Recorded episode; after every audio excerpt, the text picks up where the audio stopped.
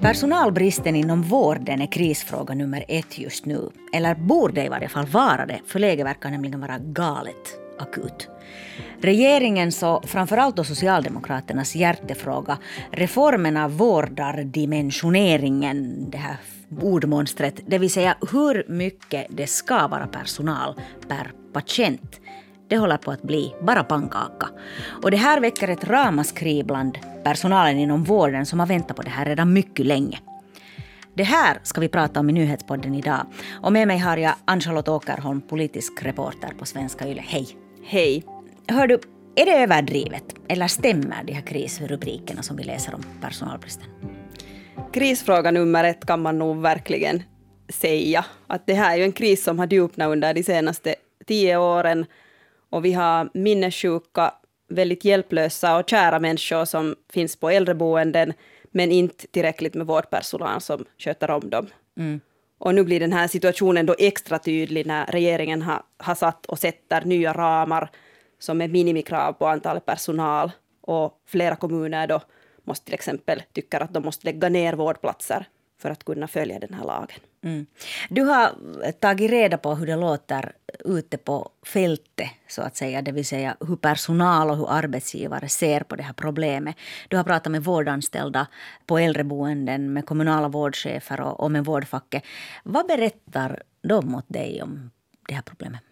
No, de som är arbetsgivare och försöker få in utbildad personal till de här boendena, de säger faktiskt att det har varit den värsta sommaren någonsin. Mm. Att till exempel i Esbo så kommer knappt några sökande alls till, till lediga poster och med vikarierna så är det samma problem. Och den här samma krisen finns överallt, mm. också annanstans i landet.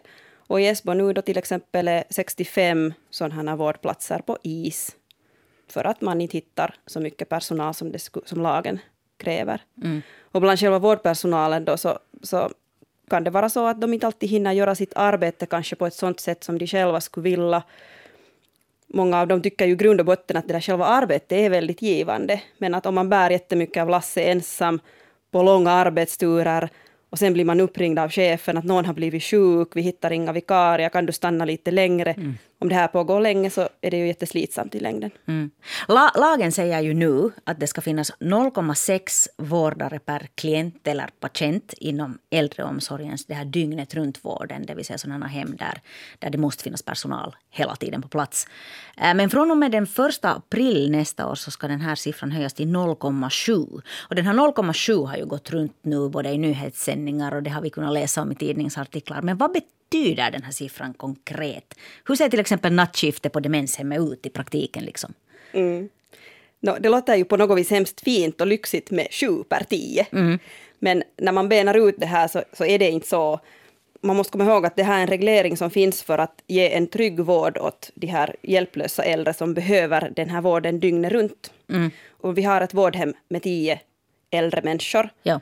Och så har vi sju vårdare. Ja. Så vi måste fördela dem på alla dygnets timmar, på precis alla dagar i veckan. Och också låta dem gå hem emellan, de här vårdarna. Så, så det är liksom 24-7 varje dag på året som det handlar om? Som Sju. det handlar om. Just det. Och, och de, de, ska ju ha sina visst antal arbetstimmar, så det betyder det att på en vanlig sån här dag, om det skulle bli det här 0,7 som är tänkt då från april nästa år, ja. så skulle det vara två på morgonskift två på kvällsskiftet, en ensam på natten och två som har ledig dag då. Mm -hmm. Så att ändå fast den här kvoten skulle höjas så att säga, så blir det sådana här långa skift där människor ändå måste vara ensamma. Att det är redan jättetajt. Så att nattskifte är du ensam på? Ja.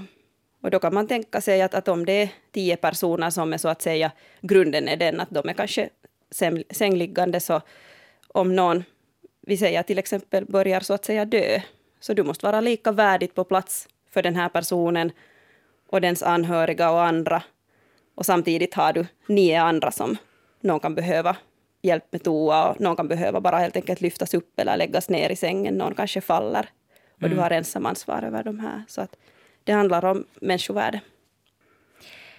Det var flera sådana vårdskandaler och missförhållanden inom framförallt äldrevården som i tiderna då satte igång den här diskussionen om att det behövs en skärpning av hur många vårdare som verkligen ska finnas på ett dygnet runt boende för äldre. Eh, men nu ser vi ju de här rubrikerna igen om äldre som inte har kommit upp ur sängen på flera dagar, om anhöriga som får åka till äldreboende och dela ut mediciner för mm. att det ska bli till någonting. Hur viktig, viktigt är det liksom för vårdpersonalen att den här dimensioneringen faktiskt skulle skärpas?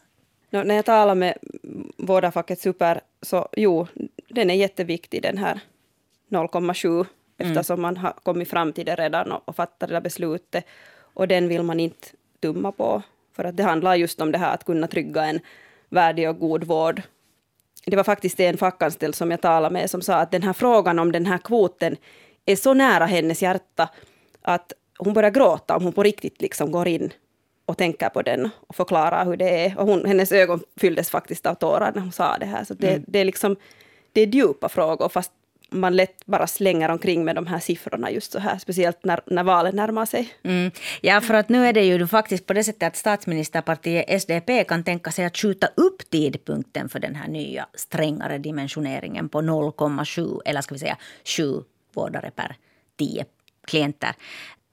Det här är ju egentligen regeringens och framförallt då Socialdemokraternas stora fråga. Och man har lyckats få med hela riksdagen, inklusive Samlingspartiet som har varit en stor motståndare av den här vårdardimensioneringen från första stund. Så att börja tumma på det här är alltså ingen liten grej. Varför låter det så här från Socialdemokraterna nu? Ja, säg det. Det är en bra fråga. Det, det, är säkert bara Marin och Lindén och, och de andra inom SDP som vet vad det egentligen handlar om. Att man, man skulle kanske ha trott att just det här är en viktig fråga eftersom mm. speciellt SDP har kämpat för den här så länge. Att, att det skulle vara en viktig principfråga och att hinna få i bruk den här 0,7 just där i början av april, just före valet. Mm. Och liksom lämna, lämna sina spår där. Att, att det här är jätteintressant. Är det kanske så att valfebern stiger? Vad säger du de som i praktiken är ansvariga för att det finns tillräckligt personal på vårdenheterna? Du har pratat med Esbo stads omsorgschef. Hur skulle hon vilja lösa det här? No, I Esbo har man ju varit tvungen att stänga 65 platser ja. på just de här dygnet runt boendena på grund av den här personalbristen. Och vi har ju svårt att säga nu utifrån, men man så att säga skyller på personalkravet på 0,6 vårdare per klient och är rädd för att det blir ännu värre med 0,7 nästa år och om man inte kan fylla de här lagens krav så måste man lägga, stänga platser. Och Jesbo hade då räknat då att de måste antingen hitta 140 nya vårdare mm. eller sen då i riktigt, riktigt värsta fall stänga fler platser, alltså 135 riktigt som värst. Där tycker då den här omsorgsdirektören Minna Hofström att regeringen nu ska frysa den här skärpningen som är tänkt i april nästa år. Och det för flera år framåt och kanske helt och hållet. Att man tänker liksom att vi tar bort regeln för att vi inte klarar av att fylla den. Ja. Det är jättesvåra frågor. Ja, i och med att den är ju inskriven i lagen, den här dimensioneringen, så får man ju egentligen inte tumma på mm. den. Och Esbo har ju då tydligen stängt platser på grund mm. av det här. Men, men det har ju också visat sig att vårdenheter runt om i landet bryter mot det här gång på gång. Att där är för lite personal på, på plats. Mm. Uh, har man gjort tillräckligt inom kommunerna för att nå upp till den här dimensioneringen som nu då krävs? Här är vi säkert i kärnan på hela den här problematiken. Att, att vem ska man skylla på? Varifrån, varifrån kommer det här problemet? I kommunerna sitter man och lyfter på varje sten just nu för att hitta den där personalen. Och om man inte hittar den, om det inte finns närvårdare och sjukskötare, så, så hur ska man göra då? Finns det liksom inte sökande till, till lediga tjänster eller, eller det där? Nej, det, det, finns, det, det sa hon just i Esbo, att det är liksom, tidigare var det kanske tre, fyra per mm. tjänst och nu är det noll eller en. Och det är ju samma konkurrens. Helsingfors och Esbo huvudstadsregionen, säkert hela södra Finland konkurrerar om samma människor som inte finns. Mm. Ehm, Socialdemokraternas familje och omsorgsminister Aki Lindén som ju själv har en bakgrund som sjukvårdsdirektör så har nu i all hast skrivit ner 14 punkter eller förslag hur man borde tänka kring vårdkrisen. Det här är förslag som handlar om att utbilda mer personal att sätta in insatser för att få bukt med strukturella problem i vårdkedjan och att bättre kunna utnyttja teknik och bättre ledarskap och andra sådana som kanske är en aning abstrakta idéer. Hur låter de här idéerna i dina öron? de låter väldigt bekanta. För att det här är ju inte liksom ett problem som består bara av, av ett problem, utan här är jättemånga frågor som måste lösas. Och man måste titta på dem alla säkert. Att när jag har lyssnat på de här olika parterna så jag har säkert hört alla de här förslagen från någon.